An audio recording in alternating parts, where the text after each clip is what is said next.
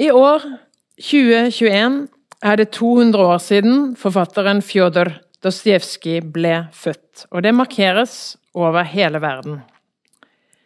I den anledning presenterer Universitetet i Bergen i samarbeid med Litteraturhuset i Bergen to foredrag. Først skal jeg, Ingunn Lunde, gi dere en innføring, Dostojevskij, på 60 minutter. Så skal Kåre Johan Mjør holde foredraget Dostojevskij som forfatter og filosof. God fornøyelse.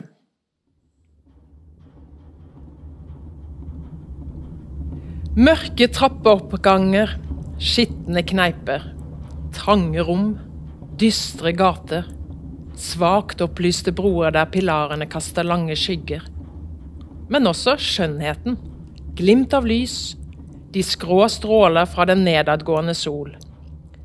Dette er Dostojevskijs verden, befolket av intense, godmodige, lidende, latterlige, fabulerende, febrilske, tause og talende mennesker. Fattige studenter, forhutlede embetsmenn, falne kvinner, ridderlige fyrster, søkende sjeler, kyniske radikalere, fornøyelige lystløgnere. Komponisten Pjotr Tsjajkovskij skriver i et brev til broren 20. mai 1879. Jeg har lest fortsettelsen av Brødrene Karamazov i siste nummer av Ruski Vjesnik. Det begynner å bli uutholdelig. De handlende personene er gale, alle som en. Det er riktig at mange handlende personer i Dostojevskijs litterære univers befinner seg i ekstreme situasjoner. I eksistensielle kriser, på grensen mellom skjebnetunge utviklingsveier.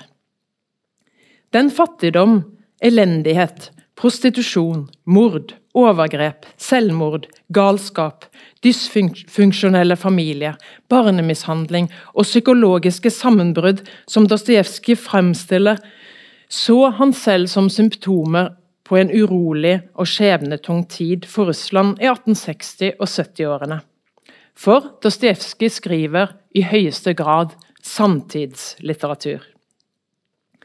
Samtidig har hans problemstillinger, hans inkorporering av eksistensielle, filosofiske, religiøse spørsmål, og ikke minst hans utrolig mangfoldige fremstilling av selve livet for enkeltmennesket og i mellommenneskelige forhold, gjort at Dostojevskij også er en klassiker. En forfatter som kan tale til oss i dag minst like mye som i samtiden.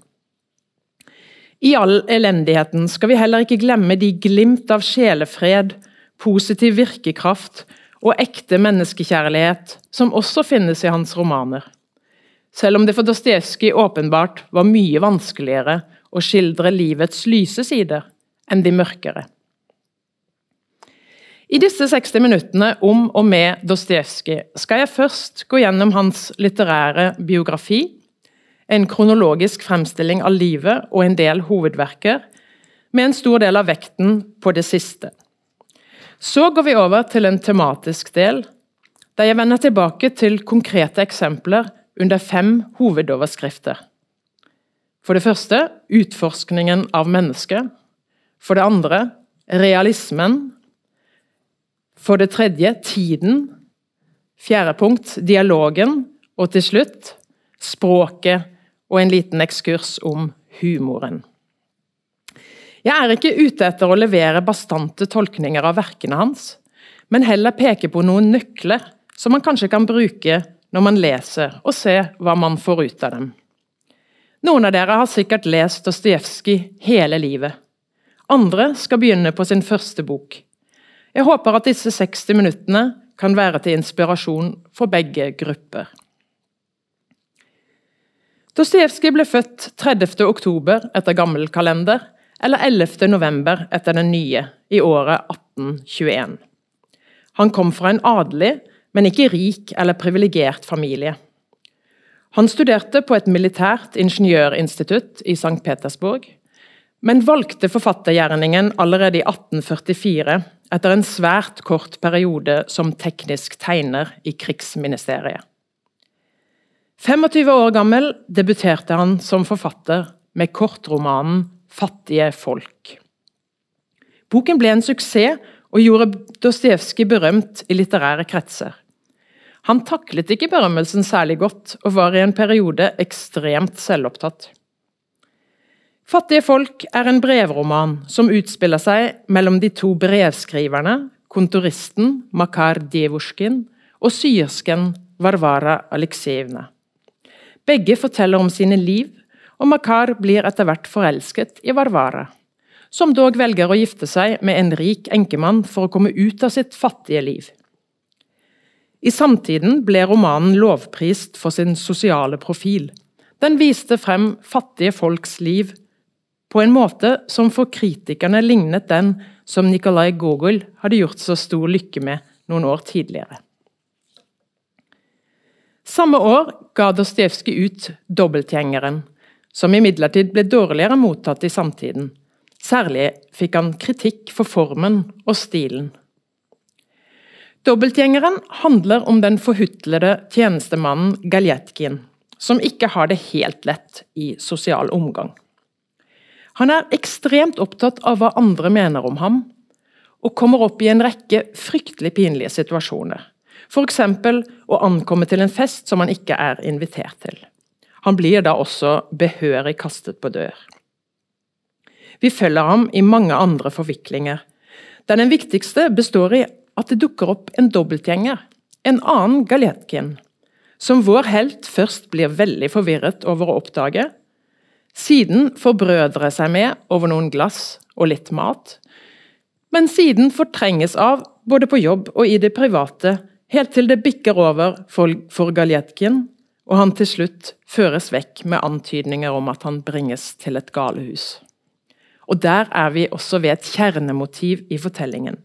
En litterær, men samtidig realistisk fremstilling av en eksistensiell krise som balanserer på en knivsegg over i gryende galskap. Dostojevskijs fremstilling av Galjetkins plagede sinn er en ganske utrolig prestasjon, særlig i språket og stilen. Galjetkins bevissthet fremstilles gjennom en masse språklige detaljer, der han hopper fra det ene til det andre. Et eneste eksempel ordet 'vprochim', forresten, opptrer 124 ganger i fortellingen. Dostojevskij skrev ytterligere tolv kortere verker i denne perioden. Mange av dem er eksperimenterende i formen og fortellerteknikken. Og Perioden vi snakker om, er årene frem til 1849, da en skjellsettende begivenhet skulle snu hele hans liv på hodet.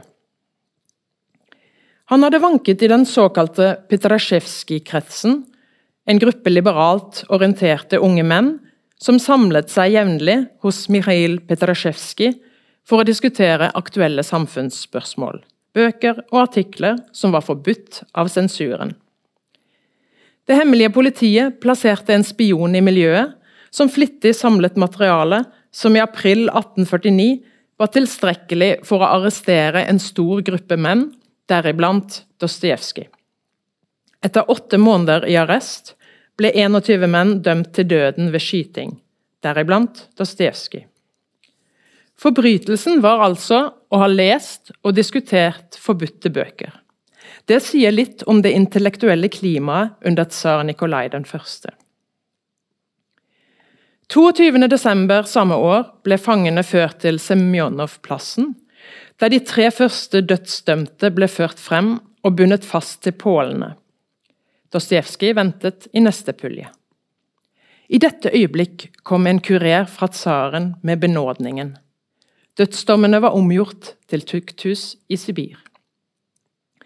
Varianter av denne scenen har satt spor etter seg i Dostojevskijs senere diktning, og vi kan bare spekulere i hvilke spor den satte i sjelen hans. Dostojevskij var 28 år og ble sendt til Omsk der han tilbrakte fire år i fangeleir. Deretter ble han sendt til Semipalatinsk, nå i Kasakhstan, til tvungen militærtjeneste. Disse årene ga Dostojevskij et unikt innblikk i mennesker og sjeleliv fra klasser meget fjernt fra ham selv. Kriminelle, politiske fanger, uskyldig dømte. Det gikk også opp for ham hvor stor avstanden fortsatt var mellom de privilegerte, adelen og de intellektuelle, og folket, den store majoriteten. I eksil kjempet han utrettelig for å kunne komme tilbake til europeisk Russland. Dommen var i utgangspunktet på ubestemt tid. Og i 1859 lykkes han. I mellomtiden hadde han giftet seg, i et ikke særlig lengevarende og etter alt å dømme heller ikke spesielt lykkelig ekteskap. De første årene etter hjemkomsten i 1859 ga han ut flere verker, og jeg skal nevne de to viktigste her. Opptegnelser fra Det døde hus og Opptegnelser fra et kjellerdyp. Opptegnelser fra Det døde hus kom ut som føljetong i årene 1860 til 62 og som fullstendig utgave i 1865. Til grunn lå bl.a. Dostojevskijs egne opptegnelser fra årene i tukthuset.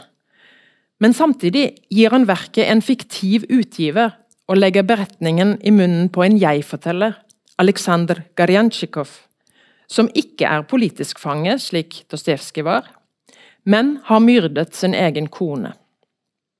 Utgiveren angir i et litt omstendelig forord at de etterlatte papirene stammer fra denne Garjantsjikov og ble funnet etter hans død.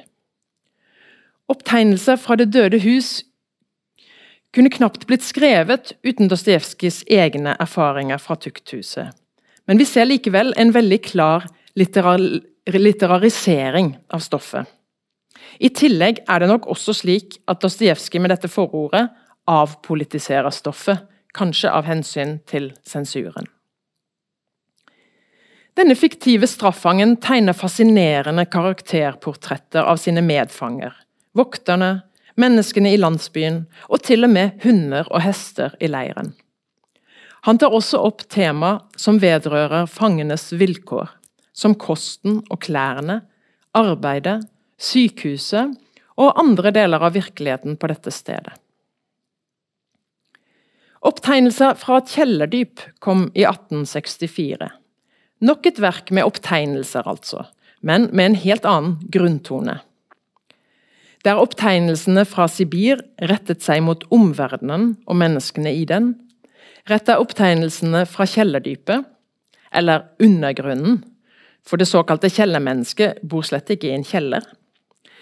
Disse opptegnelsene retter seg mot fortelleren selv, i en nådeløs introspeksjon og analyse av egen ideologi og følelsesliv.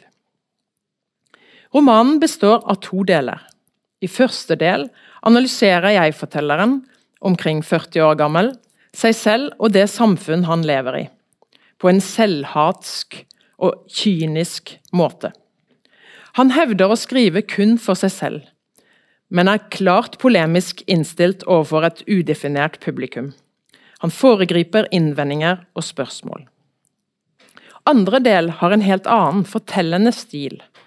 Her berettes noen episoder fra jeg-personens tidligere liv, som handler om mellommenneskelige relasjoner og møter, med fokus på sårbarhet og stolthet. Kjellermennesket befinner seg i et slags moralsk vakuum, som fremstår som en ekstrem følge, følge av samtidens samfunnsforhold og førende ideologier, slik Dostojevskij så det. For det var ikke bare Dostojevskij som hadde endret seg i løpet av de skjellsettende årene i Sibir. Også det Russland som han kom tilbake til på tampen av 1859, var et annet. Aleksander 2., kjent som frigjøringstsaren, kom til å stå for en reformpolitikk og et intellektuelt mer åpent klima enn sin forgjenger Nikolai 1. Noe som resulterte i en livlig samfunnsdebatt i aviser og tidsskrift, men også til en sterkere polarisering mellom de ulike ideologiske retningene, og en generasjonskonflikt som også Turgenev skildrer i 'Fedre og sønner'. Dostojevskij kastet seg med liv og lyst inn i debattene, både som journalist, redaktør og skjønnlitterær forfatter. Og Her kan det passe å si noen ord om journalistikken. I sin journalistikk er Dostojevskij brennende opptatt av å diskutere Russlands samtid og fremtid gjerne i opposisjon til Vest-Europa. Han begynte med tidsskriftet Vremia i 1861, som han grunnla sammen med sin bror Mikhail. Etter 28 bind ble tidsskriftet forbudt i, 1830, i 1863. Året etter grunnla brødrene Epocha, som også hadde kort levetid. 1864-65, mest pga. økonomiske problemer etter Mikhails død i 1865. I 1873 begynner Dostojevskij å gi ut en forfatters dagbok, som en slags kommenterende krønike om aktuell samfunnstematikk, der han publiserte både journalistisk og skjønnlitterært. I tre perioder publiserer han mye i denne krøniken. Først i 1873, så i årene 1876 og 77, og så en siste omgang i årene 1880 og 81, hans dødsår. Den månedlige publiseringen av en forfatters dagbok ga Dostojevskij mer direkte kontakt med leserne sine. Han fikk flere hundre brev fra lesere, de fleste fra studenter. Mange skrev for å applaudere ideene hans, spørre om lesetips og råd, be om et møte eller fortelle om sine egne ideer og planer. Etter hvert begynte Dostojevskij også å publisere utdrag fra disse brevene i følgende utgaver av en forfatters dagbok, og ofte tjente de som utgangspunkt for hans egne artikler. I disse artiklene opptrer Dostojevskij en rekke ulike roller. Som kriminolog, som anmelder, som en slags lekteolog eller filosof, og som skjønnlitterær forfatter. Jeg skal i dag ikke gå mer inn på journalistikken, så la oss vende oss til det som nå følger, mellom 1866 og 1881, de fem store romanene. Forbrytelse og straff, Idioten, De besatte, Ynglingen og Brødrene Karamasov. Dostojevskijs livssituasjon var vanskelig i årene da han skrev de første av de store romanene. Han hadde det økonomiske ansvaret for broren Mihails familie etter brorens død. Han slet med å tjene nok, og hadde ikke minst en hang til pengespill som var ganske ødeleggende. I 1866 måtte han hyre en stenograf, Anna Snitkine, for å klare å skrive kortromanen 'Spilleren' på bare én måned. En lykkelig bieffekt av stenografen var at det utviklet seg til et kjærlighetsforhold.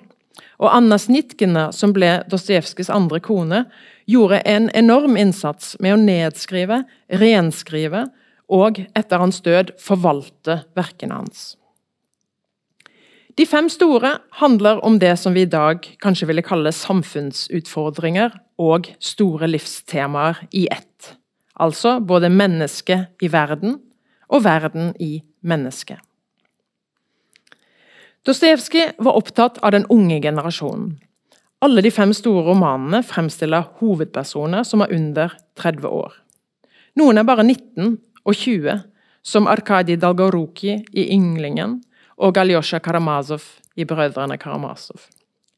Raskolnikov er 23. Mysjkin i 'Idioten' er faktisk bare 26. Stavrogin i 'De besatte' er 29. Romanene hans er i høyeste grad samtidsromaner. De handler om tiden mellom 1865 og 1875.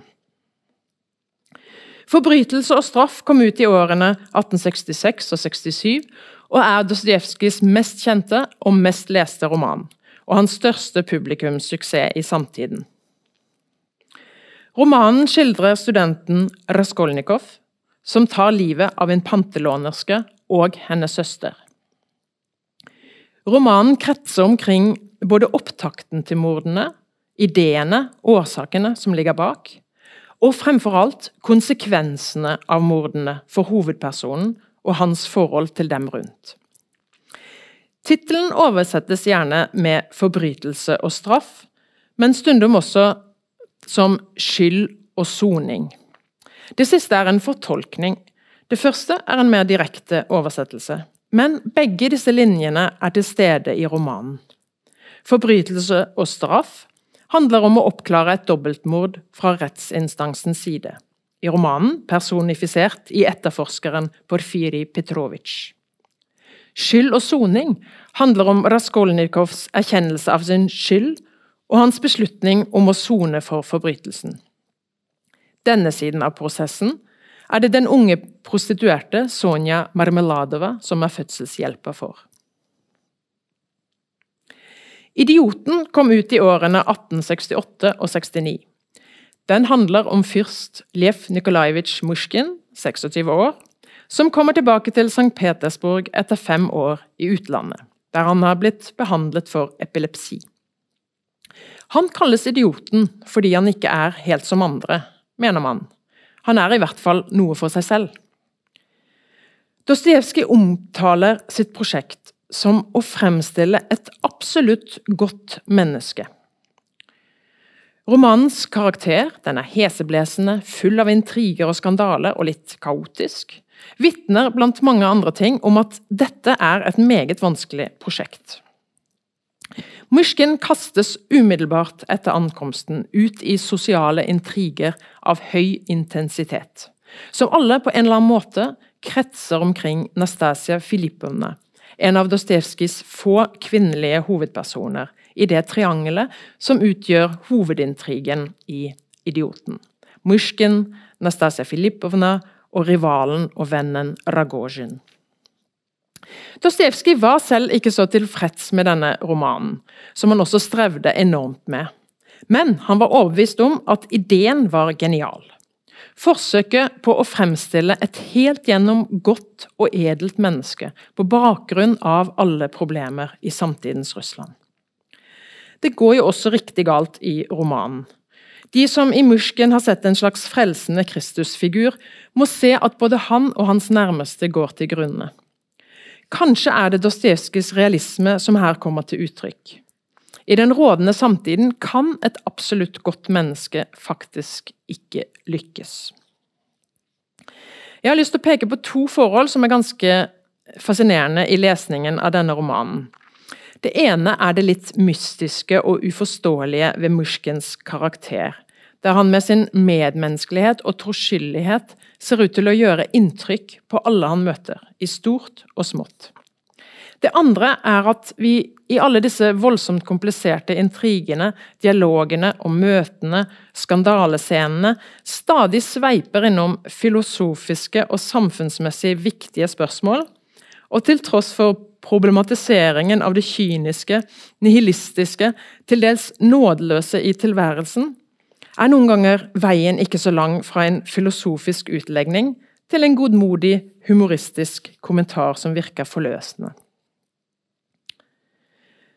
De besatte kom ut i årene 1871 og 72, og i bokform i 1873.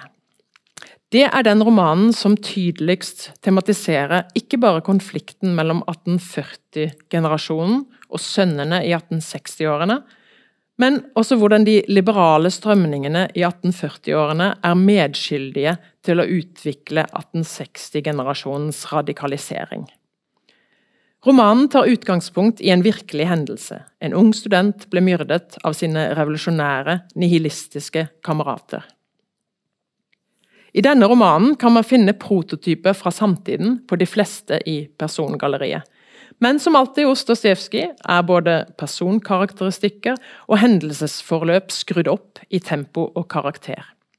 Også på den måten at romanen får et betydelig innslag av både satire, humor og parodi. Hovedpersonen er Nikolai Stavrogin. Som Mushkin er han en litt mystisk karakter, bl.a. fordi han ikke sier så mye. Men med en helt annen personlighet. Han er gåtefull bl.a. på den måten at det kan se ut som om alle de andre ulike karakterene henter sine ideologiske overbevisninger inspirert av ham, uten at han egentlig sier så mye. Romanens dynamikk består dels i de dramatiske hendelsene, som inkluderer bl.a. flere mord og selvmord, ulike konspirasjoner og allianser, en grusom bekjennelse, og dels i ideologienes konfrontering med hverandre og med virkeligheten. Det er ingen tvil om at Dostojevskij gjennom denne romanen ville utstille nihilistene, disse unge radikale som var i opposisjon til alt det bestående. Hva kommer det ut av deres konspirering og komplott? Mord, selvmord og flukt. Ynglingen, eller En ung manns historie, som den siste oversettelsen til norsk heter, kom i 1875. Det er det minst leste og kjente av disse fem store.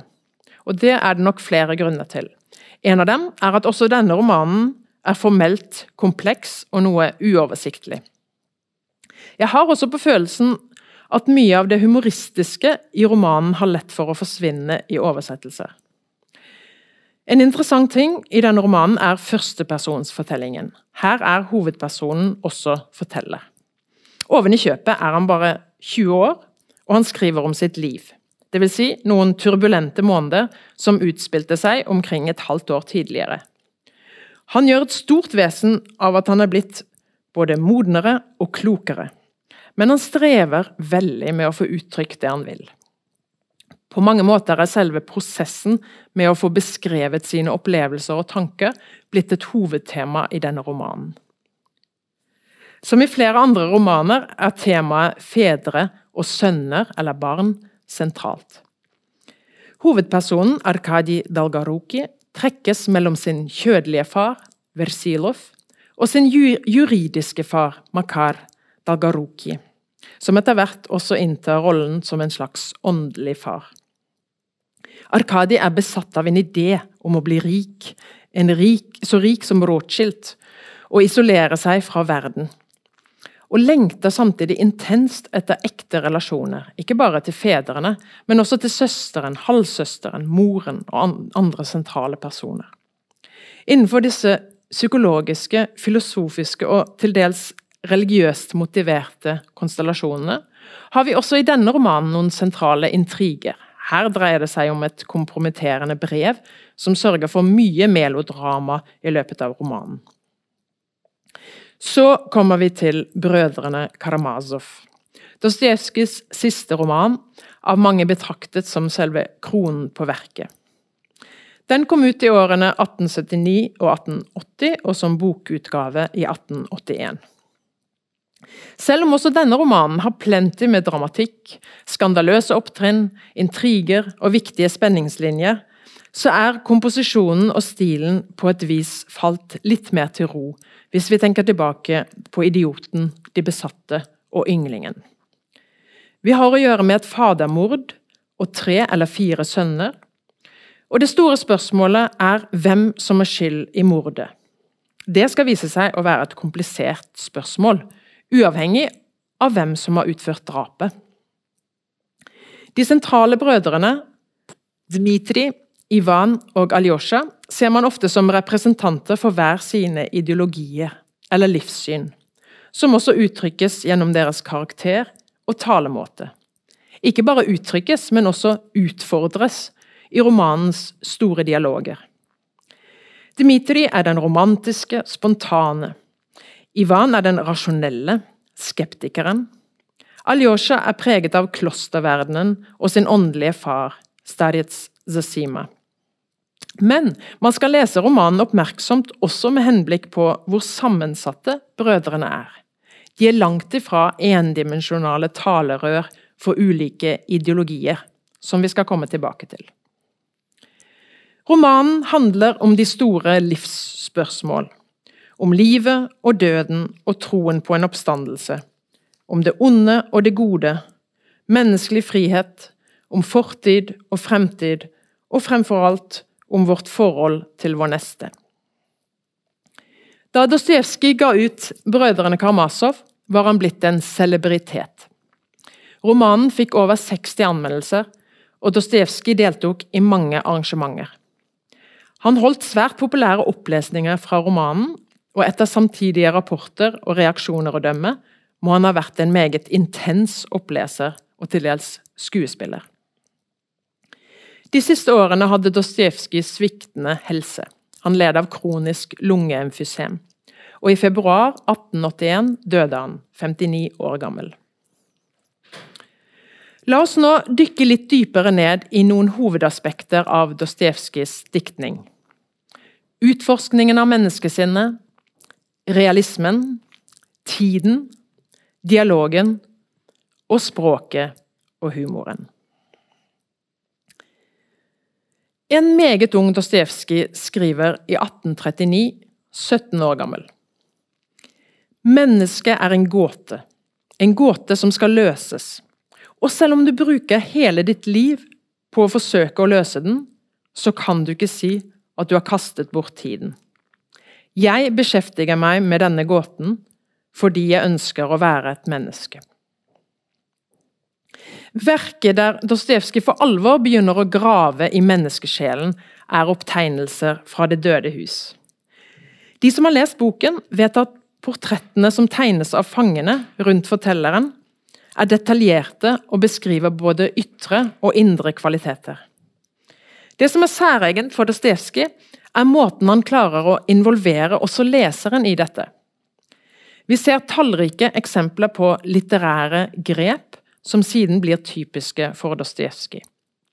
Det fortelles f.eks. For om en fadermorder blant fangene, som på det mest bestialske vis skal ha drept sin far for å få tak i arven, og er blitt dømt til 20 års straffearbeid. Denne fangen overrasker med sitt stadig gode humør og tilsynelatende lette sinn. Mye senere i boken får vi gjennom en innskutt kommentar fra den fiktive utgiveren vite at denne mannen var uskyldig dømt, noe som ble kjent etter at han hadde sonet ti år. Fortelleren Garjansjikov er da død og får aldri vite dette. Men leseren må med denne vendingen helt endre sin oppfatning av mannen. Her er det kanskje noen som kjenner seg igjen fra leseropplevelser i senere romaner. Men først og fremst viser skildringen fra tukthuset det menneskelige i alle mennesker, for å si det litt enkelt. Og menneskeverdet blir et underliggende premiss for diskusjonen om straffens hensiktsmessighet som klinger med, implisitt og eksplisitt, i hele verket. Den psykologiske innsikten, kretsingen omkring ideer som forbrytelse, skyld, straff og soning og veien til en slags oppstandelse, alt dette er grunnleggende temaer i all Dostojevskijs videre diktning. La oss se på ytterligere et eksempel på hvordan Dostojevskij analyserer det som foregår i vårt indre, og hvordan han formidler det litterært. Romanen om Raskolnikov, 'Forbrytelse og straff', er blitt kalt en kriminalroman. Og Den er jo også virkelig spennende, men det som står i sentrum for gåten, er ikke selve forbrytelsen. Vi vet jo hvem som har drept de to søstrene. Men to andre prosesser. Prosessen som fører frem til forbrytelsen, og aller mest prosessen som følger etter den. Prosessen ikke så mye i rettslig betydning, som først og fremst menneskelig og psykologisk. Hva er det som skjer i Raskolnikovs sinn før og etter forbrytelsen? Og hva er det som bevirker disse prosessene, fra filosofiske ideer til menneskemøter? Raskolnikov viser seg jo å ha begått det perfekte dobbeltmord til tross for at mange forhold var helt tilfeldige, f.eks. hvordan han fant frem til mordvåpenet, og det at han drepte to kvinner og ikke én, som var planen. Raskolnikov blir overlatt til sin egen angst og sine egne grublerier, som Dostojevskij fremstiller med stor intensitet. Etter hvert antar tilstanden sykelige former, også kroppslig. Denne prosessen danner også grobunnen for ytre påvirkning men det er til slutt ikke etterforskningen som feller Raskolnikov. Han står fritt til å melde seg selv, inspirert selvsagt av sine møter og samtaler med Sonja. Raskolnikovs historie følger to parallelle linjer. Hans vei fra ideen om overmenneske og egen genialitet til straff og fengsel blir samtidig hans vei fra ensomheten, rommet han bor på kalles kisten, og en teoretisk dominert tankeverden til et konkret menneskelig fellesskap, der han tar på seg straffen i en fri viljesakt. La oss så gå videre til realismen og Dostojevskijs særlige oppfattelse av realismen. Nabokov har kritisert Dostojevskijs karakterer for å romme usannsynlige motsetninger, og mange andre kritikere har ment at alt det eksepsjonelle oppjagede, ekstreme, skandaløse hos Dostojevskij ikke ligner virkeligheten. Men det kan se ut til at Dostojevskij mente å få frem mer av virkeligheten nettopp ved å sette menneskene i all sin kompleksitet inn i ekstreme situasjoner. På mange måter kan man si at romanene, både i tematikk og form, reflekterer den urolige tiden. En tid der vitenskapelige, sosiale og politiske verdier omkastes og revurderes. Der nåtiden fremstår mer som en prosess enn en klart definert tilstand. Dostojevskij mente selv at han skrev om virkeligheten og livet som det faktisk er. Han skriver Våre talentfulle forfattere fremstiller livet på en kunstferdig måte. Familielivet til den øvre middelklasse, slike som Talstoy og Gonsjarov. De tenker at de fremstiller majoritetens liv, men jeg mener at de fremstiller livet til noen unntak. Deres fremstilling av livet er unntakenes liv, men min er hovedregelen. Dette vil fremtidige generasjoner som ser på saken mer objektivt, forstå. Sannheten er på min side, det er jeg overbevist om. I menneskefremstillingen vil Dostojevskij få frem absolutt alle sjatteringer av det å være menneske. Fra det edleste og vakreste til det mest heslige og nederdrektige. Men også det humoristiske, og ikke minst det absurde. Ofte når Dostojevskij tar opp de helt store temaer, ledsages de av banale omstendigheter. Fra tanker om hemoroider til neseblod. Som f.eks. kan avbryte en romankarakters eksistensielle utlegning, men som ikke desto mindre hører til det å være menneske. Som min kollega Tine Rosen viser elegant i sin blodferske Dostojevskij-bok, som jeg hermed gjerne vil anbefale, glemmer Dostojevskij aldri det konkret kroppslige i all metafysikken. Dostojevskij har flere interessante utsagn om sin fremstillingsmåte. Han ønsket under full realisme å finne mennesket i mennesket, og kalte dette en realisme i høyere forstand. Dostojevskijs realisme er kompleks. På den ene siden vil han være realistisk, på den måten at han faktisk gjør research til romanene. I forbindelse med brødrene Karamazov vet vi f.eks. at han har konsultert en jurist i forbindelse med rettsprosessen mot Dmitrij Karamazov, en lege i forbindelse med Ivan Karamazovs hallusinasjoner, og han gjorde klosterbesøk og leste helgenberetninger for å kunne fremstille klostervesenet og stadietstradisjonen på en realistisk måte. På den annen side vil han være rettferdig og ærlig overfor virkeligheten, som jo er et mysterium. Eller i hvert fall kan være helt absurd, ubegripelig osv. Fra sin litterære debut i 1846 drev Dostojevskij radikale eksperimenter i sin diktning, som kan beskrives som en konstant søken etter nye former, nye måter å stille de store spørsmål på, og måter å skape og fremstille mennesket på i litteraturen. Visst var han opptatt av virkeligheten, men først og fremst var han opptatt av hvordan litteraturen som ordkunst kunne nyttes til å fremstille de essensielle, for ikke å si eksistensielle, sider ved denne virkeligheten, på måter som var kunstnerisk overbevisende. Dostojevskij har enda flere interessante uttalelser om forholdet mellom virkelighet og ordkunst. Jeg har mitt eget særlige syn på virkeligheten i kunsten. Og det som folk flest kaller nesten fantastisk eller ekstraordinært, det er det som for meg noen ganger utgjør selve essensen av virkeligheten. Dagligdagse fenomener og det sanksjonerte synet på dem, det er ikke dette som er realisme, etter min mening. Snarere tvert imot. Til tross for at situasjonene kan virke overdrevet, er problemstillingene i sin essens som regel realistiske hos Dostojevskij. Og hendelser, konflikter og konkrete saksforhold er ofte hentet fra samtidens rettssaker, eller fra journalistikken.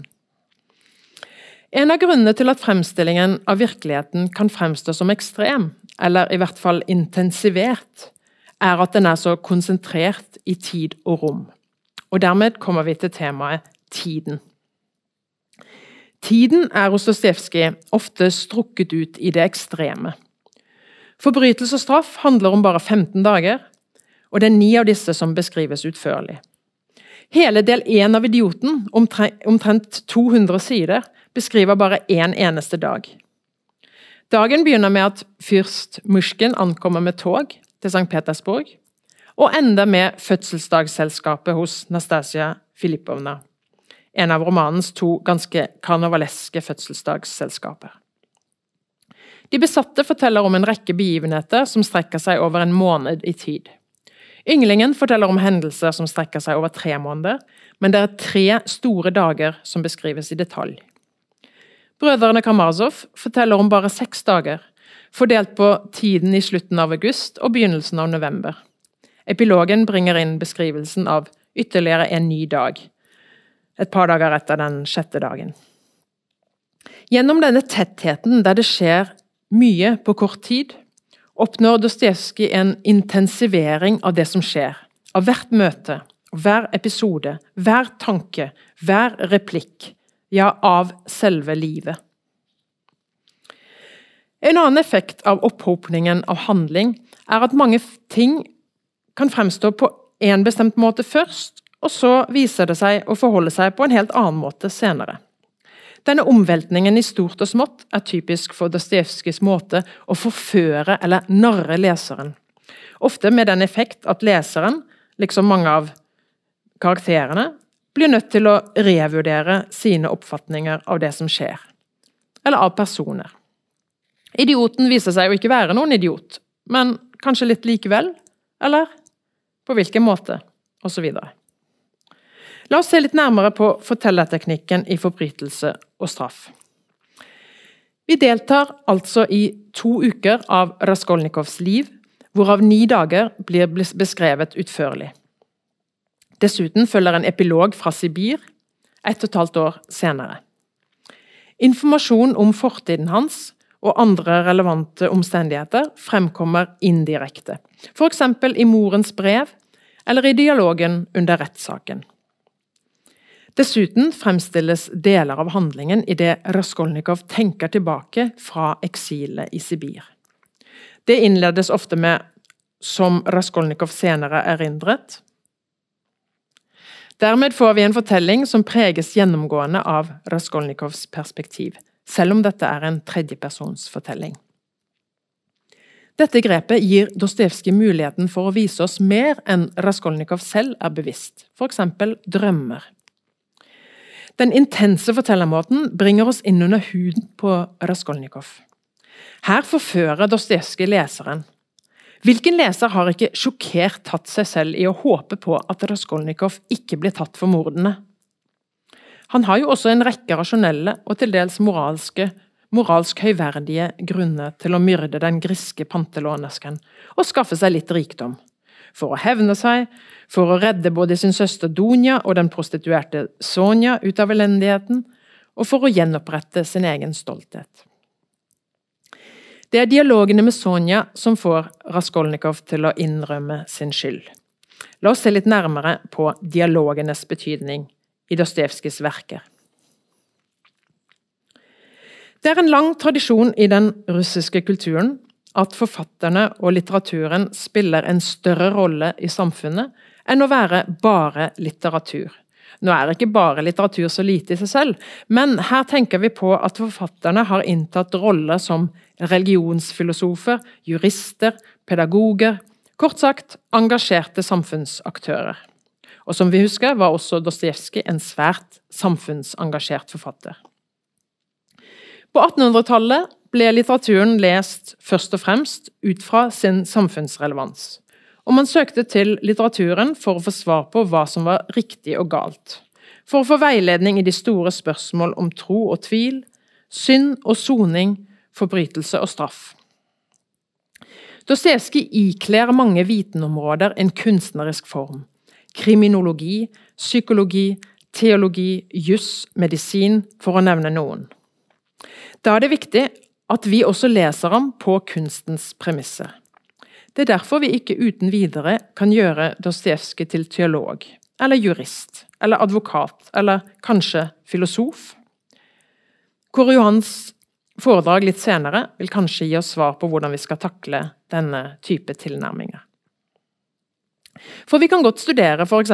religiøse eller ortodokse elementer i Dostojevskij, men rammen for disse elementene, nemlig en kunstnerisk kontekst, altså romanen som ordkunst og fiksjon, er uhyre viktig. Dostojevskijs forfatterskap viser kunstens enestående evne til å la virkeligheten brytes gjennom det kunstneriske ordet. Gjennom romanheltenes bevisstheter og deres språk.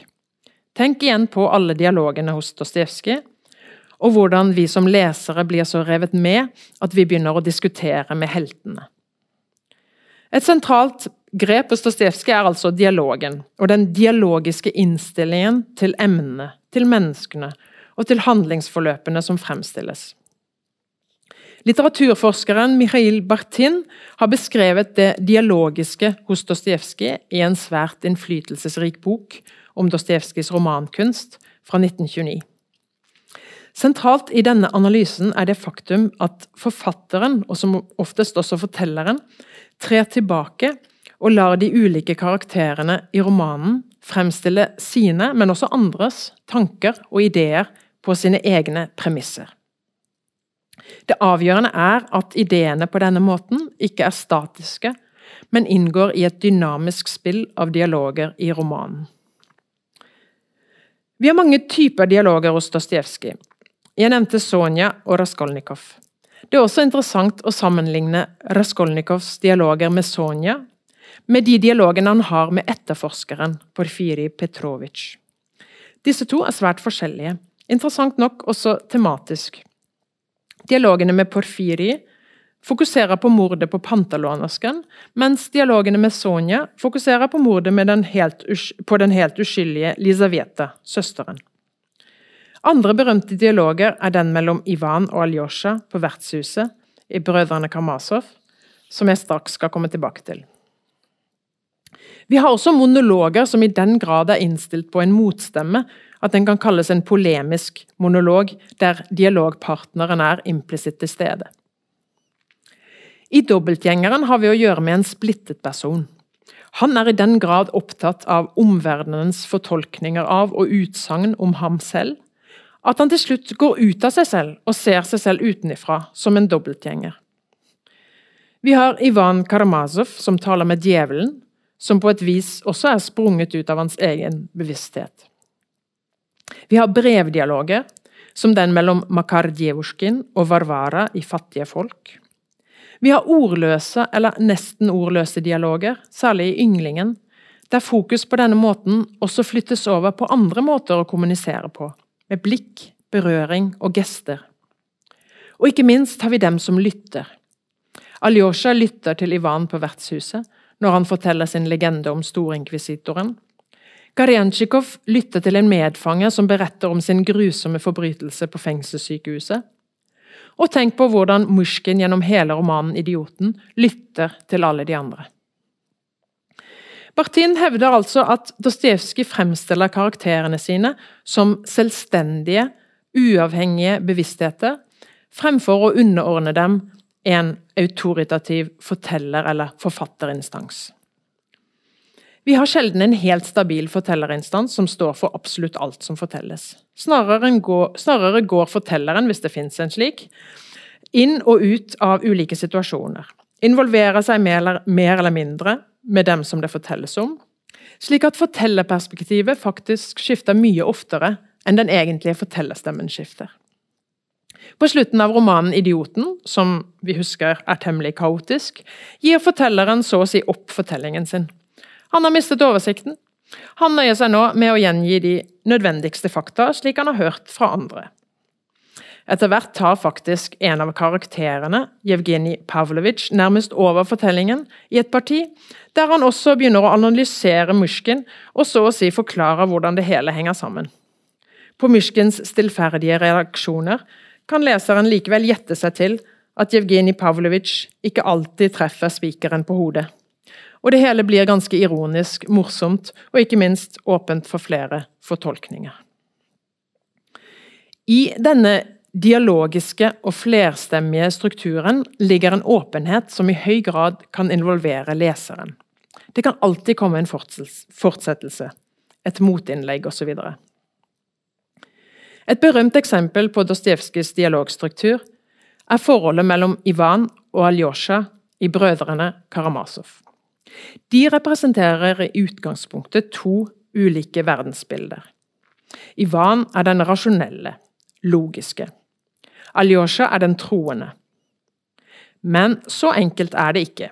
Som alltid er Dostojevskijs karakterer meget sammensatte.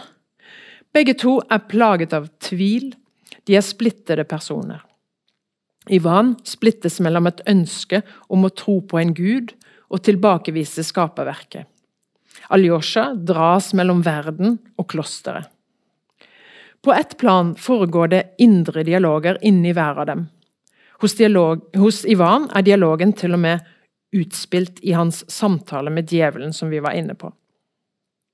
I tillegg samtaler de med hverandre i den berømte lange dialogen på vertshuset. For det tredje inngår deres fortellinger i dialog med hverandre. Ivan forteller sin legende om storinkvisitoren til Aljosja, en fremstilling av Kristus som kommer tilbake til jorden på 1500-tallet, og samtaler med storinkvisitoren, som forklarer ham at menneskets frihet er blitt ofret for lykke, fred og mat i en verden som styres av de kirkelige autoriteter. Aljosjas svar, utover å gi Ivan et kyss, akkurat som Kristus gjør overfor storinkvisitoren, er beretningen om munken Zasimas liv og lære. Zosima er en stadiets, en eldre munk som er Aljosjas veileder i klosteret. Hans liv er nedtegnet av Aljosja selv, i en form som har elementer av den gamle helgenbiografitradisjonen, men også går utover denne. Det er mange enkeltelementer i denne fortellingen som implisitt møter storinkvisitorens argumentasjon og tematikk, men ikke i en argumentativ form, men snarere som et slags eksempel. En historie om et levet liv. For eksempel møtes storinkvisitorens kollektive begrep om menneskeheten av helt konkrete enkeltmennesker i Zosimas livshistorie, ham selv og andre. Aljosja svarer med det Dostojevskij selv kalte et kunstnerisk bilde. Han viser frem Zosimas liv som et motsvar til storinkvisitorens og noen av Ivans argumenter. Selv om det neppe er noen tvil om hvilken side Dostojevskij står på, må man også si at han gir sin motstander gode kort på hånden. Det ser vi i mange romaner, og det gjør vel at vi vil fortsette å diskutere med Dostojevskijs helter også 200 år etter at deres opphavsmann ble født. Til slutt noen bemerkninger om språket, forfatterens viktigste og helt nødvendige verktøy. Jeg starter med å sitere Dostojevskij fra et notat fra 1876. Virkeligheten er sannelig dypere enn noen menneskelig fantasi kan fatte.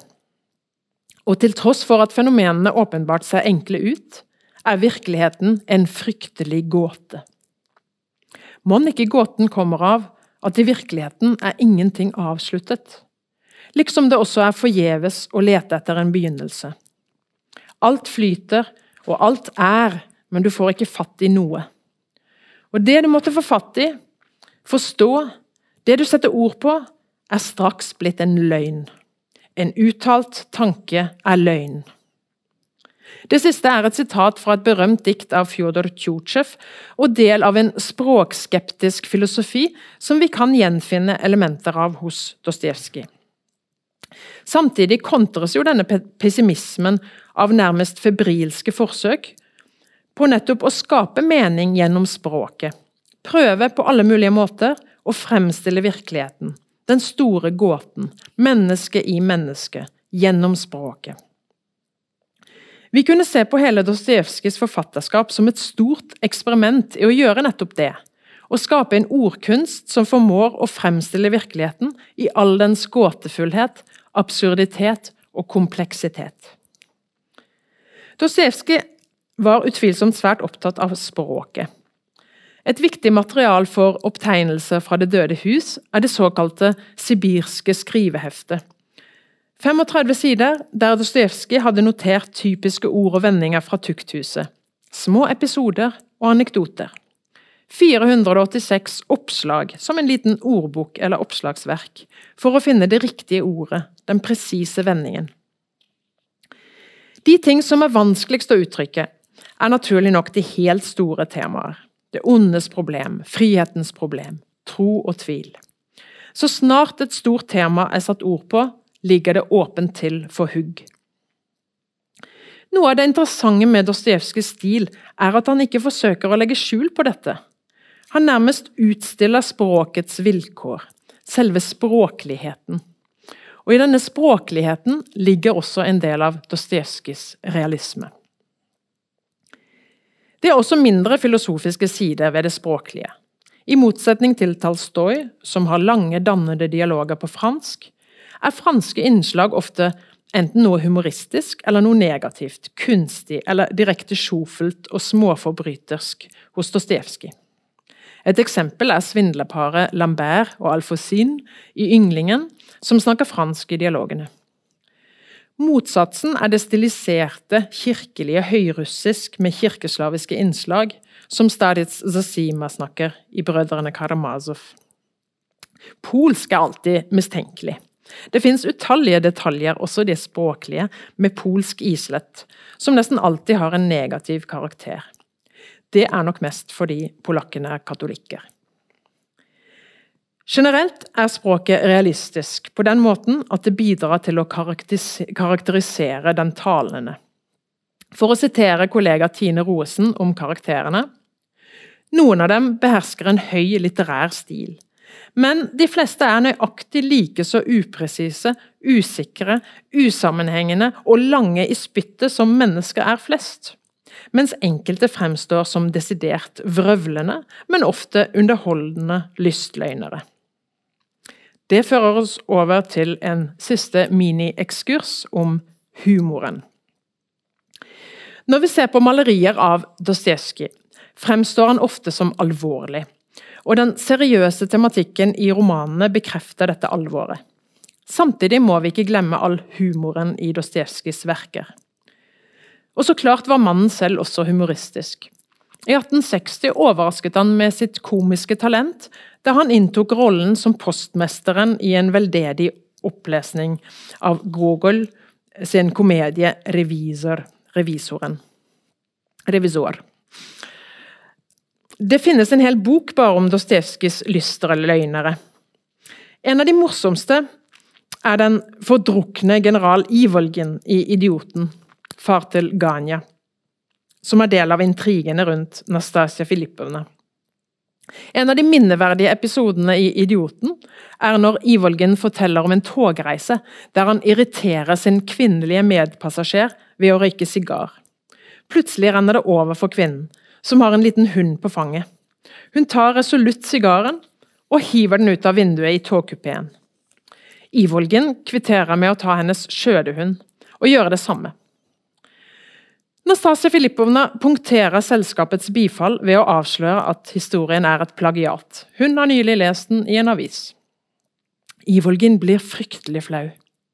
Og Denne balanseringen mellom selvhevdelse og skam er typisk for flere av Dostojevskijs lystløgnere, og gjenklinger hos leseren i en blandet følelse av humor, medfølelse og tilsvarende skam over det pinlige når løgnene avsløres.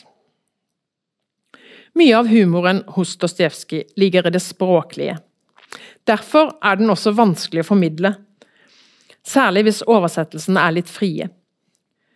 De senere år er det i flere land kommet nye, mer tekstnære oversettelser av Dostojevskij, der dette aspektet også får komme tydeligere til uttrykk. For mange oversettere har nettopp med Dostojevskij og hans karakterer stundom noe kronglete stil, som virkeligheten selv, som vi har vært inne på, Gjort små grep for å forbedre stilen og gjøre den mindre kantet. Hoppe over alle de tallrike småordene og avbrytelsene osv. Når vi diskuterer oversettelse, berører vi også spørsmålet om avstanden mellom den gang og nå.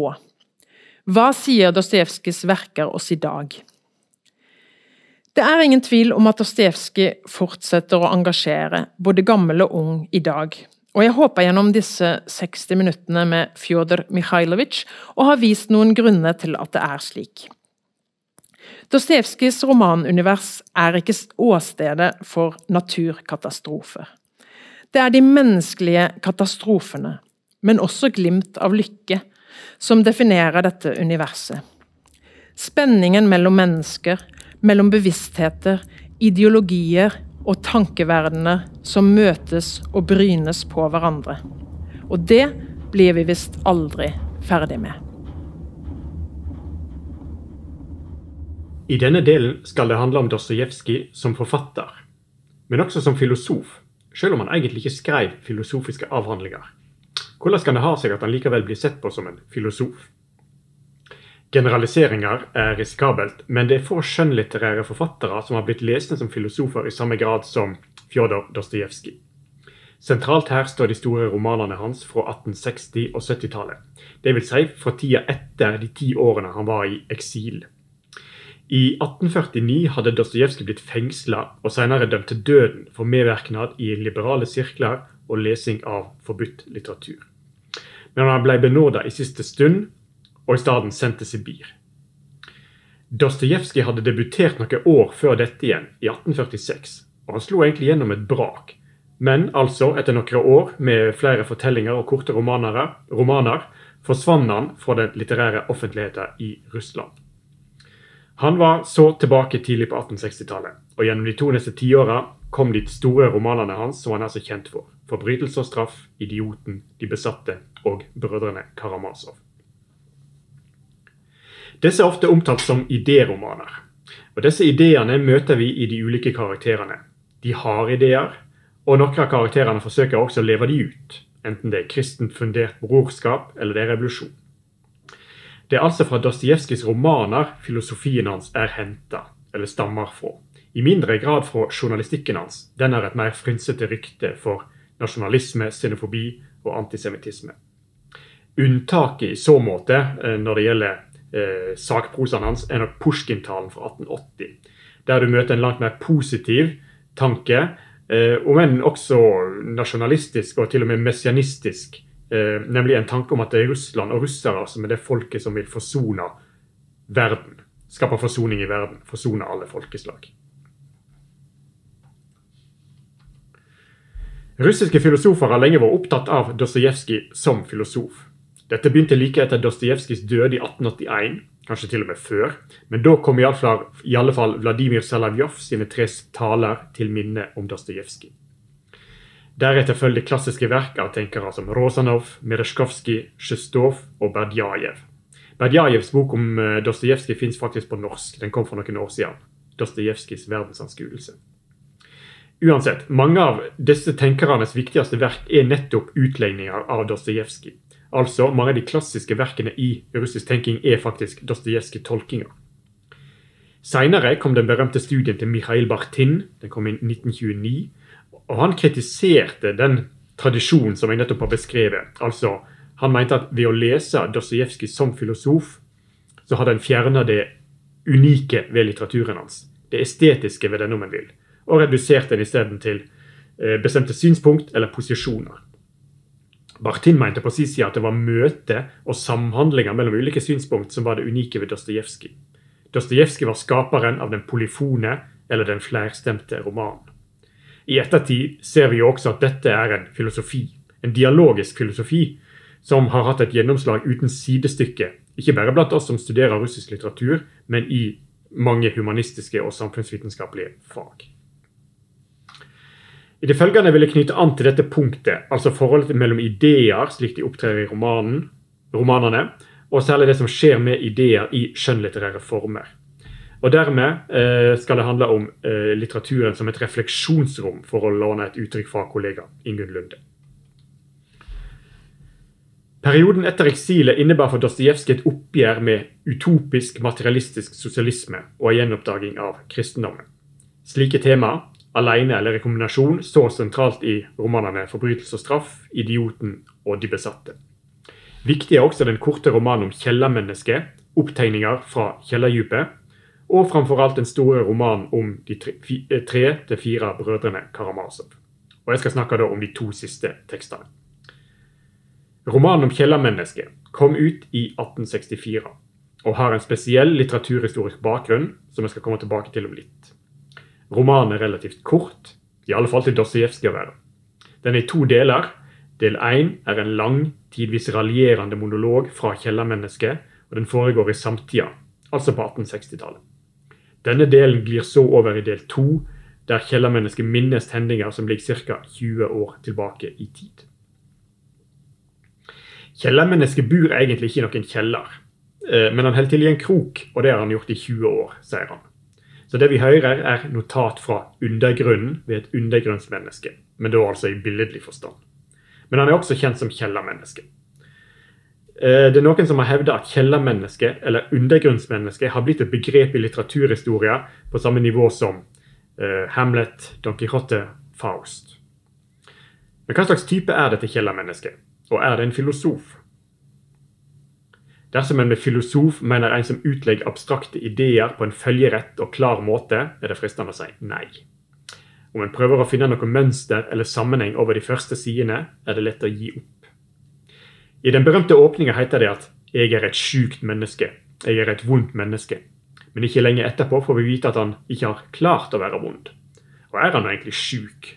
Hva slags sjukdom i så fall? Han sier også at han er både overtruisk og opplyst. Og han er videre et kryp, hevder han, men like etterpå ser han at han ikke har klart å være et kryp. Til det erkjenner han for mye. Og Alt dette er lagt ut i en ironisk og spottende tone, en spott både mot seg sjøl og mot andre. Mine spøker er uklare og usammenhengende, slår han fast. Så om en prøver å finne en logikk i dette, blir en lett gjenstand for nettopp denne spotten. Kjellermennesket ler av seg sjøl, og han ler av deg. Han spøker, han lyver, og han er ei skravlebøtte. Menneskets formål er å skravle, sier han. Og kanskje er det bare det? Er alt bare sprøk, spøk og skravling? Etter noen kapittel blir likevel visse resonnement tydelige. Ikke alt er bare spøk og spott. En logikk i antilogikken hans er nettopp dette at rasjonalismen blir karikert gjennom en måte å snakke på, gjennom sjølmotsigelser. En annen ting han parodierer, er en slags vitenskapelig filosofisk søking etter en siste årsak. Eller noe som ligger til grunn for alt annet. Er det rettferd? Er det vondskap? Er det kjemiens lover? Eh, og vi skjønner jo etter hvert at det er ingen av delene. Seinere kommer det likevel også et mer positivt det vi kan kalle program i det kjellermennesket sier. Altså, og det kommer da noen sider seinere igjen. Kjellermennesket sier at han ikke bryr seg om naturlovene eller matematikkens regler. Han liker ikke at to ganger to er fire. Naturlovene står i motsetning til livet, som kommer til uttrykk gjennom vilje. Så det kjellermennesket priser, er fridommen. Mennesket gjør som det vil, ikke det fornuft og nytte påbyr. Mennesket har en egen, freidig og fri vilje. Og Det er særlig her en har funnet kjellermennesket sin filosofi. Denne fridomsfilosofien resonnerer med større tema som f.eks. det vondes problem, som jo særlig er kjent fra teologien, men også fra en rekke andre Dostojevskij-tekster. Altså, spørsmålet er hvorfor finnes det vondskap i verden dersom Gud er god og skaper verket godt? Og svaret, teologisk sett, altså tradisjonell, i tradisjonell teologi, har vært at mennesket opplever og utfører vondskap fordi det er fritt. I, de, eh, I, denne boka har fridomsfilosofien ingen religiøs eller kristen grunngiving, eh, slik vi kjenner det fra, fra teologien, men også fra andre Dostojevskij-tekster. Jeg sikter da til Kristusportrettet i Storinkvisitoren i Brødrene Karamazov, som vi skal snakke om litt senere, eller Raskolnikovs religiøse omvending. Kjellermennesket sin fridomsfilosofi derimot er sekulær, selv om det skal ha funnes en Kristusreferanse her som ble stråken av sensuren. I tillegg til denne store konteksten, det vondes problem, står fortellinga til Dostojevskij som nevnt i en idé- og litteraturhistorisk kontekst. To år tidligere, i 1862, kom Ivan Torgenjevs mest kjente roman ut, 'Fedre og sønner'. Og Her finnes det et portrett av den nye 1860-tallsgenerasjonen av radikale, eller nihilister. De som ikke bøyer seg for autoriteter, og som ikke anerkjenner, ikke anerkjenner noe prinsipp. Det eneste de måtte anerkjenne eh, er naturvitenskapen. Altså, eh, de kunne gå med på at mennesker kan studeres, men da helst gjennom mikroskopet, og i alle fall ikke på individnivå. Ikke alle radikale var så begeistra for dette portrettet til Turgenev, og året etter kom det et svar i romanform. Romanen med den kjente tittelen 'Hva må gjærast?' av Nikolaj Tsjernisjevskij. Tittelen er senere også kjent fra en tekst av Lenin. Denne romanen til Tsjernisjevskij ville i tillegg til mye annet korrigere portrettet til Torgenjev. Undertittelen var 'Fortellinger om de nye mennesker'. Disse nye mennesker har full selvkontroll og er samtidig rasjonelle egoister. Det vil si, de handler rasjonelt gjennom å følge egne interesser. Og Tanken til Tsjernisjevskij var kort fortalt at om alle gjorde dette, ville utopien bli realisert. Dette skulle da romanen demonstrere gjennom sine karakterer og sine prosjekt, altså prosjektene som blir fortalt om her. Premissen her er da at mennesket er godt og fornuftig. Dostojevskijs fortelling, da, eh, og faktisk kjellermenneskets egen tale i del 1, er da i sin tur et svar på Tsjernesjevskijs roman. Eh, Dostojevskijs roman inneholder faktisk mange referanser til, og til og med parodier på scener hos Tsjernitsjevskij.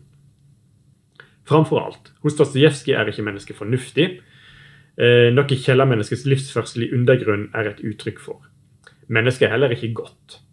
Men det er heller ikke vondt. Kjellermennesket hadde jo ikke klart å være vondt.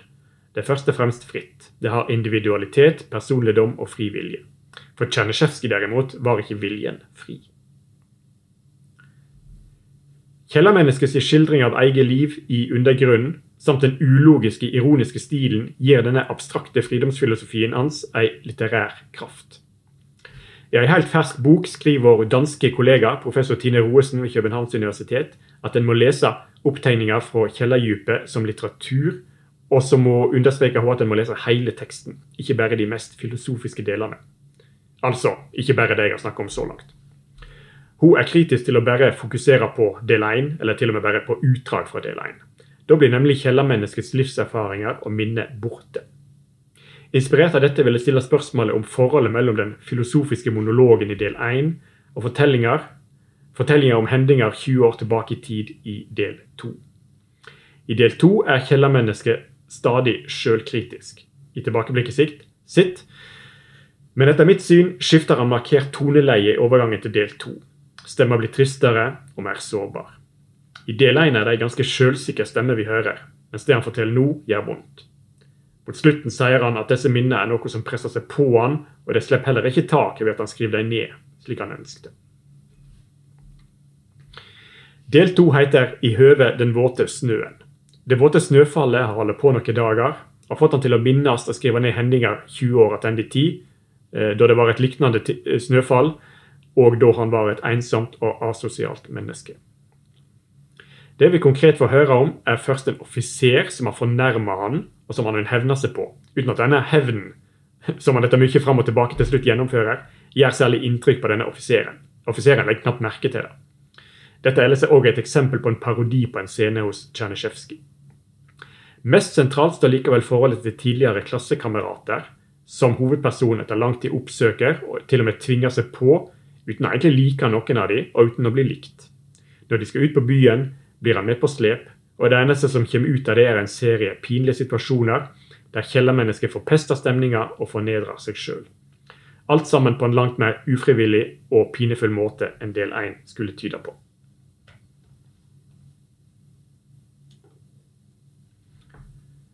Turen ender på bordell, der vår antihelt også absolutt skal være med.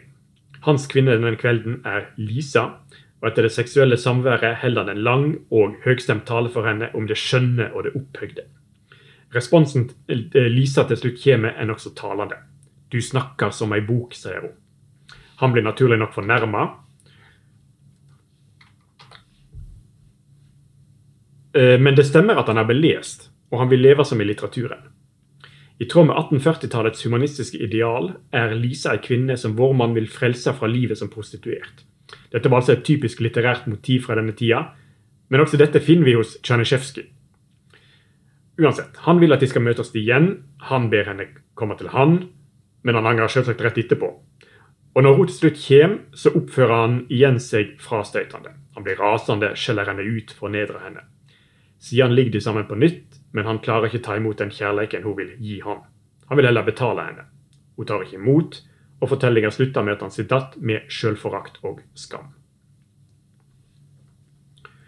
Å tolke denne korte romanen som heilskap, dvs. Si å få de to delene til å gå opp eller henge sammen, er utfordrende. Det er iallfall vanskelig å lese kjellermenneskets oppførsel 20 år tilbake i tid som noe positivt uttrykk for en fridomsfilosofi i form av frie valg. Det måtte i så fall være irrasjonaliteten, at alt han gjør, bryter med det fornuftige og ender i tragedien. Det er likevel noe gjennomgående tvangsmessig over kjellermennesket, slik vi møter han i del to. Han er impulsiv, han mangler sjølkontroll, men også mot. Han klarer rett og slett ikke gjøre det han vil. I stedet gjør han det han ikke vil. Helt mot slutten vet han ikke lenger hva han vil. Og dette innser han. I tillegg har han fortapt seg i bøker. Han vil leve som i litteraturen og se verden gjennom litterære briller. Noe dagens kjellermenneske spotter. Hva blir da forholdet mellom de to delene? Er det han forfekter i del 1 snarere hans egen forklaring i ettertid på hvorfor han oppførte seg så forferdelig og aldri klarte å forholde seg til andre mennesker? Denne manglende evna til å omgå andre er nemlig en fellesnevner for alt som skjer i del to. Møtet med offiseren, klassekameratene, Lisa og også tjeneren Apollon, som han stadig havner i krangel med. Fortellinger som heilskap er uansett ikke identisk med den filosofien som blir eksplisitt formulert, men setter den i perspektiv. Og den retrospektive teknikken som tar oss med fra en notid tilbake til 1840-tallet, er et særlig effektivt grep i så måte. En ytterligere distanse til filosofien oppstår også gjennom en fotnote fra en implisitt forfatter, eller Dostojevskij om en vil, nemlig at dette er nedtegningene til en representant for en generasjon som ennå er i live. Det er i det hele typisk for Dostojevskijs litterære verk å åpne opp for leserens refleksjon over de ideene som blir framstilt, og dette gjør han ikke minst med store ideer i Brødrene Karamazov. Brødrene Karamazov er en tjukk roman med etter måten lite handling, selv om det er mye dramatikk. De tre brødrene kommer sammen hos faren og er for første gang samla.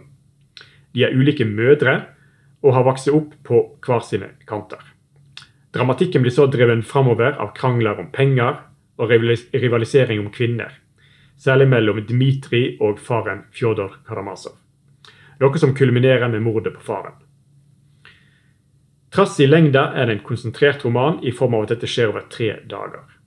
Siden følger rettssaker to måneder senere, og til slutt gravferda til gutten Iljusja.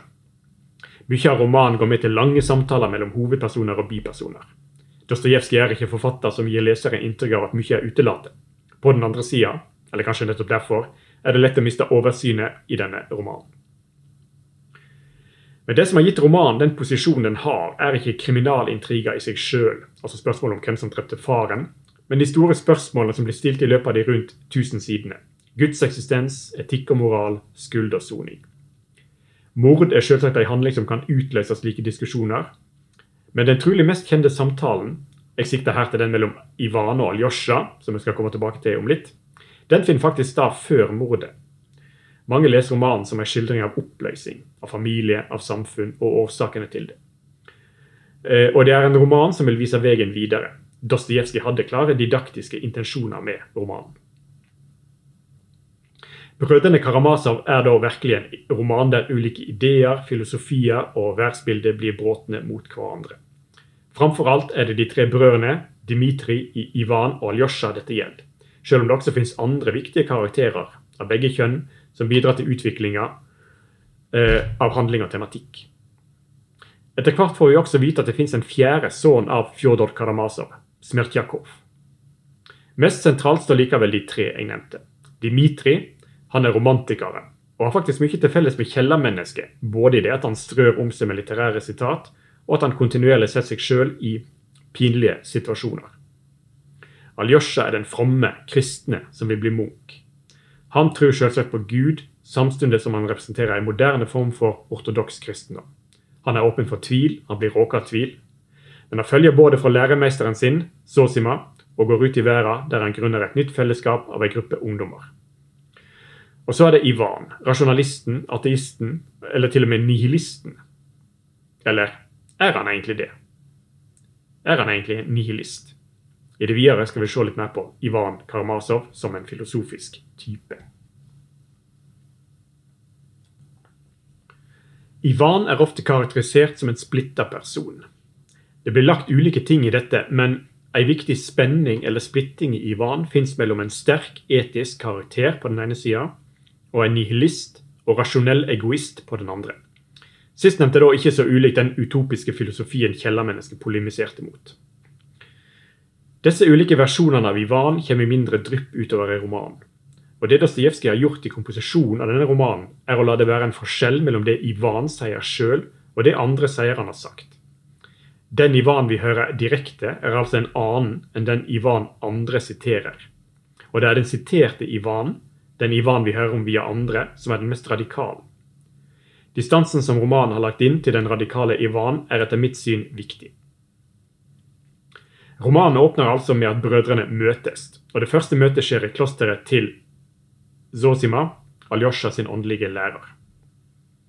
Her blir det mye drama, særlig når Dimitri omsider dukker opp. Ivan på sin side er litt tilbaketrukket, men så bryter slektningen Pjotr Mjusov inn og forteller noe han hørte Ivan si for fem dager siden. Ivan sa da nemlig følgende. Det fins ingenting i verden som kan få mennesker til å elske hverandre. Det fins ingen naturlov som påbyr dette. Mennesker har bare trodd dette fordi de har trodd at de er udødelige. Så dersom mennesker slutter å tro på at de er udødelige, da ville kjærleiken og livskrafta forsvinne. Da ville alt bli lov. Og da, når en ikke lenger tror på Gud og at mennesker er udødelige, blir egoismen ikke bare mulig, den bør også være det, det bærende prinsippet en bør handle etter. Dette sa altså Ivan ifølge Mjusov. Som vi vet, er Ivan til stede i rommet og hører dette her, og han stadfester at jo, jeg sa dette. Ivan legger ellers noe gåtefullt til at alt dette var sagt ikke bare på spøk. Underforstått at det også var sagt som en provokasjon. Så selv om han vedgår å ha sagt det, så er det uklart for leseren hvor alvorlig dette resonnementet egentlig var meint. Er det dette som er Ivan Karamazov sin ståstad? Gud er død, det fins ingen moral, alt er lov. Hvordan ville han sjøl ha formulert det? Vi som lesere er iallfall trigga til å lese videre for å finne ut mer. Men sagt er sagt, og disse radikale nihilistiske utsegnene til Ivan Karamazov eh, begynner nå å sirkulere i romanen. Ikke ved at Ivan gjentar de, for det gjør han faktisk aldri. Det vil si, Vi hører aldri Ivan i direkte tale på egen initiativ si at alt er lov, alt er tillatt. Men ideene tilskrevne han blir fanget opp av andre karakterer som formidler de videre. De lever sitt eget liv. Like etter scenen jeg nå har presentert, møter vi eh, studenten, eller seminaristen Rakitin, altså en biperson, og han diskuterer med Aljosja. Og Rakitin synes at ivansk teori er noe sprøyt. Rakitin er ellers en sekulær humanist av det gode, positive slaget som tror på fridom, likskap og brorskap. Ikke ulikt det kjellermennesket prøvde å være i fortida. Men karakterene hos Dostojevskij er dynamiske. Når vi møter Rakitinat senere i romanen, er han blitt en fordobling av den radikale Ivan. Eller av det Ivan blir hevda har sagt, altså av den Ivan som sirkulerer i romanuniverset. Snart får vi likevel høre litt mer også fra Ivan sjøl om hva han mener om Guds eksistens. Etter møtet i klosteret er det middag hjemme hos faren Fjodor, der Ivan har bodd en stund. Aljosja kommer også.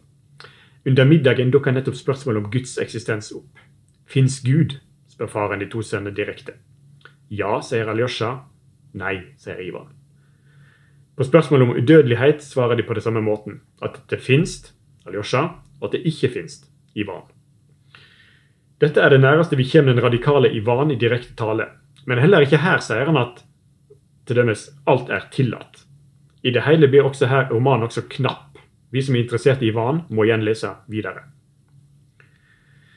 Ja, Vi har nå lest en knapp tredel av romanen, og romanen har så langt vært eh, primært Aljosha sin roman. Altså det er han vi har fulgt og blitt bedre kjent med. Ivan er mer i periferien. Han er gåtefull, lyttende og primært presentert av andre. Middagskonversasjonen som jeg nettopp har referert, er et unntak i så måte, og danner på sett og vis opptakten til ei vending i romanen, mot da nettopp Ivan. Scenen er sett for den mest kjente delen av, uh, av Brødrene Karamazov, del fem, som heter Pro og kontra, og inneholder kapitler opprør og storinkvisitoren. Her er Ivan hovedperson. Denne delen er en samtale mellom han og Aljosja på en kafé, og det er Ivan som fører ordet. Et innledende kapittel i denne delen heter 'Brødrene blir bedre kjent', og leserne blir framfor alt bedre kjent med Ivan. Og når Ivan fører ordet, så hører vi ikke påstander om at alt er tillatt, eller at det ikke finnes noen moral, eller at egoismen bør være det bærende prinsippet. Tvert om hører vi en Ivan med sterk moralsk sensibilitet, framfor alt på vegne av lidende barn og meningsløs vold. Selv om han framfører argumenter sine i en tidvis ironisk tone, noe som også har en ekstra plagende effekt på Aljosja, så er det lite som tyder på at Ivan mangler medkjensle. Spørsmålet blir nok en gang Guds eksistens. I motsetning til det han sa kvelden før, ser ikke Ivan nå at Gud ikke fins, men at han ikke aksepterer Guds verdsorden. Det er dette som er opprøret hans, og det er Aljosha som kaller det for opprør. Med kanskje den mest berømte formuleringen i romanen Ivan sender billetten tilbake, altså til Gud. Han takker nei. Grunnen er nettopp den lange, pinesamme katalogen over lidende barn som Guds verdsorden ikke har klart å eliminere. Trass i at Alyosha kaller det opprør, får Ivan Alyosha til å gå ganske langt i å dele dette opprøret. Denne samtalen viser mer enn noe annet hvordan karakterene og stemmen hos Dostojevskij er selvstendige, formulerer sine ideer men også at de faktisk møtes i genuine dialoger. Så å gjøre den ene eller andre til forfatterens talerør blir derfor i praksis vanskelig, selv om Alyosha aldri så mye skal være romanens hovedperson og forfatterens helt. Det som framfor alt styrker det dialogiske ved møtet mellom de to, er Ivans lange og berømte fortelling om Storinkvisitoren, som han legger fram for Alyosha her på kafeen. Denne fortellinga handler om Kristi gjenkomst til jorda og til Sevilla under den brutale inkvisisjonen. Her blir Kristus faktisk arrestert og konfrontert av storinkvisitoren, altså av representanten for den katolske kirka. Han anklager Kristus for å på den ene sida komme her og lage bråk, men framfor alt for å ha gjort mennesker ulykkelige gjennom å tilby dem fridom i stedet for brød. Storinkvisitoren viser her til den bibelske fortellinga om Jesus i ørkenen som ble freista av djevelen. Mennesket lever faktisk best av brød alene, kan vi si at storinkvisitoren sier med ei bibelsk omskriving. Storinkvisitorens regime er da løsninga på alt dette. Tryggleik for folk flest i stedet for fridommens byrde, mens et mindretall, og da gjerne de som ser det tragiske i dette, må ta støyten. Dette vil sikre lykke for en majoritet. Mange har identifisert Ivan med storinkvisitoren, altså at storinkvisitoren er Ivans talerør. Men det er for mange ulikskaper mellom de to til at slike lesinger går opp. Ivan, slik vi møter han i denne delen, er ingen kalkulerende intellektuell kyniker. Han framstår snarere som en forsvarer av de forsvarsløse, og dermed indirekte en kritiker av storinkvisitorens verdensorden, som jo er bygd på at noen må ofres. For å vende tilbake til dialogen, Ivan spør Aljosha om ett barn kan ofres for harmoni og lykke i verden, for alle, eller for resten, og Aljosha svarer nei. Aljosha på sin side responderer på storinkvisitoren at Ivans fortelling faktisk er et forsvar for den arresterte og anklaga Kristus, og Ivan avviser ikke dette. I begge tilfeller møtes de to, rasjonalisten og den fromme. Helt mot slutten av samtalen spør likevel Alyosha Ivan men hva med dette 'alt er tillatt'? Og ja, det ja, er nærmest Ivan sitt svar. Litt ille berørt. Igjen tar han ikke avstand, men hele komposisjonen av scenen forteller oss at det er ikke der Ivans egentlige intellektuelle agenda ligger. Denne nihilismen blir aldri direkte framført med samme patos som omsorger for lidende barn i opprøret. Det har snarere vært en provokativ gest i scener utenfor romanen, og som vi aldri får helt kjennskap til. Resten av romanen må jeg her og nå være kort med. Eh, det er flere handlingslinjer. Ei om Aljosha og hans videre utvikling. Og så er det mordet på faren, arrestasjonen og rettssaker mot Dimitri, som blir funnet skyldig. Dimitri hadde motiv og mangla alibi. Leseren på sin side skjønner etter hvert at det er den fjerde Karamazov, Smertjakov, som er morderen. Han er barn av Fjodor og den stumme, åndssvake omstreiferen Stinkelisa som døde under fødselen. Fjodor tok til seg barnet, og Smertjakov arbeider nå som tjener hos han. Og Etter at Ivan flytta inn til faren, har de to hatt mange samtaler, altså Ivan og Smertjakov. Og Smertjakov har da tatt den radikale Ivan på ordet. Alt er tillatt, og han har testa ut ideen ved å myrde faren. Det var dette du lærte meg, sier Smertjakov til Ivan. Vi som lesere vet vel ikke helt hva vi skal tro. Disse scenene er iallfall ikke med i romanen. Og også i resten av romanen er den radikale, nihilistiske og egoistiske Ivan noe vi stadig vekk hører om fra andre, men som vi aldri møter direkte. Mens den Ivan vi møtte i samtalen med Aljosja, og dermed i direktetale, igjen blir borte. Ivan blir likevel med dette indirekte skyldig i mordet på faren, uten at sammenhengen blir helt klare. For Ivan blir likevel eh, denne oppdaginga et mareritt, bokstavelig talt. En hallusinerende scene får han besøk av fanden sjøl, som spør han ut og ironiserer over hans intellektuelle bragder. Særlig er det dette 'alt er tillatt, djevelen griper fatt i', og viser de absurde konsekvensene av. Ivan er opplagt på defensiven i møte med den retoriske mesteren, eh, som djevelen er, hos Dostojevskij, men han klarer likevel å smette inn at 'du snakker jo bare om mine dumme tanker'. Dette forteller oss at vel har Ivan ytra radikale ideer, ideer, de har blitt tradert videre, de har til og med fått fatale konsekvenser, men det var ikke egentlig dette han hadde på hjertet. Brødrene Karamazov er definitivt en idéroman, men som roman formidler han ikke bare ideer, men lar de brytes mot hverandre og ikke minst utvikles. Eh, samtidig som det ulike litterære grep, framfor alt kombinasjon av ulike stemmer, direkte indirekte tale, disse grepene skaper distanse som lar oss reflektere over det vi hører. Brødrene Karamazov presenterer to Ivaner for oss, en direkte og en annen indirekte. Og Ivans tragedie var at det var den indirekte, den radikale, som fikk størst gjennomslag mellom karakterene rundt ham. Å aktualisere tidligere tiders kunst er alltid en risikosport, men skal jeg gjøre et forsøk, så er faktisk Dostojevskijs roman fra 1880 ikke så lite dagsaktuell i det at han viser hvordan ideer, eller bare tanker vi ytrer, blir lett spredde, og dermed noe vi mister fort kontroll over. Det var jo ikke dette vi ville si og det vi egentlig hadde på hjertet, ble borte i alt mylderet.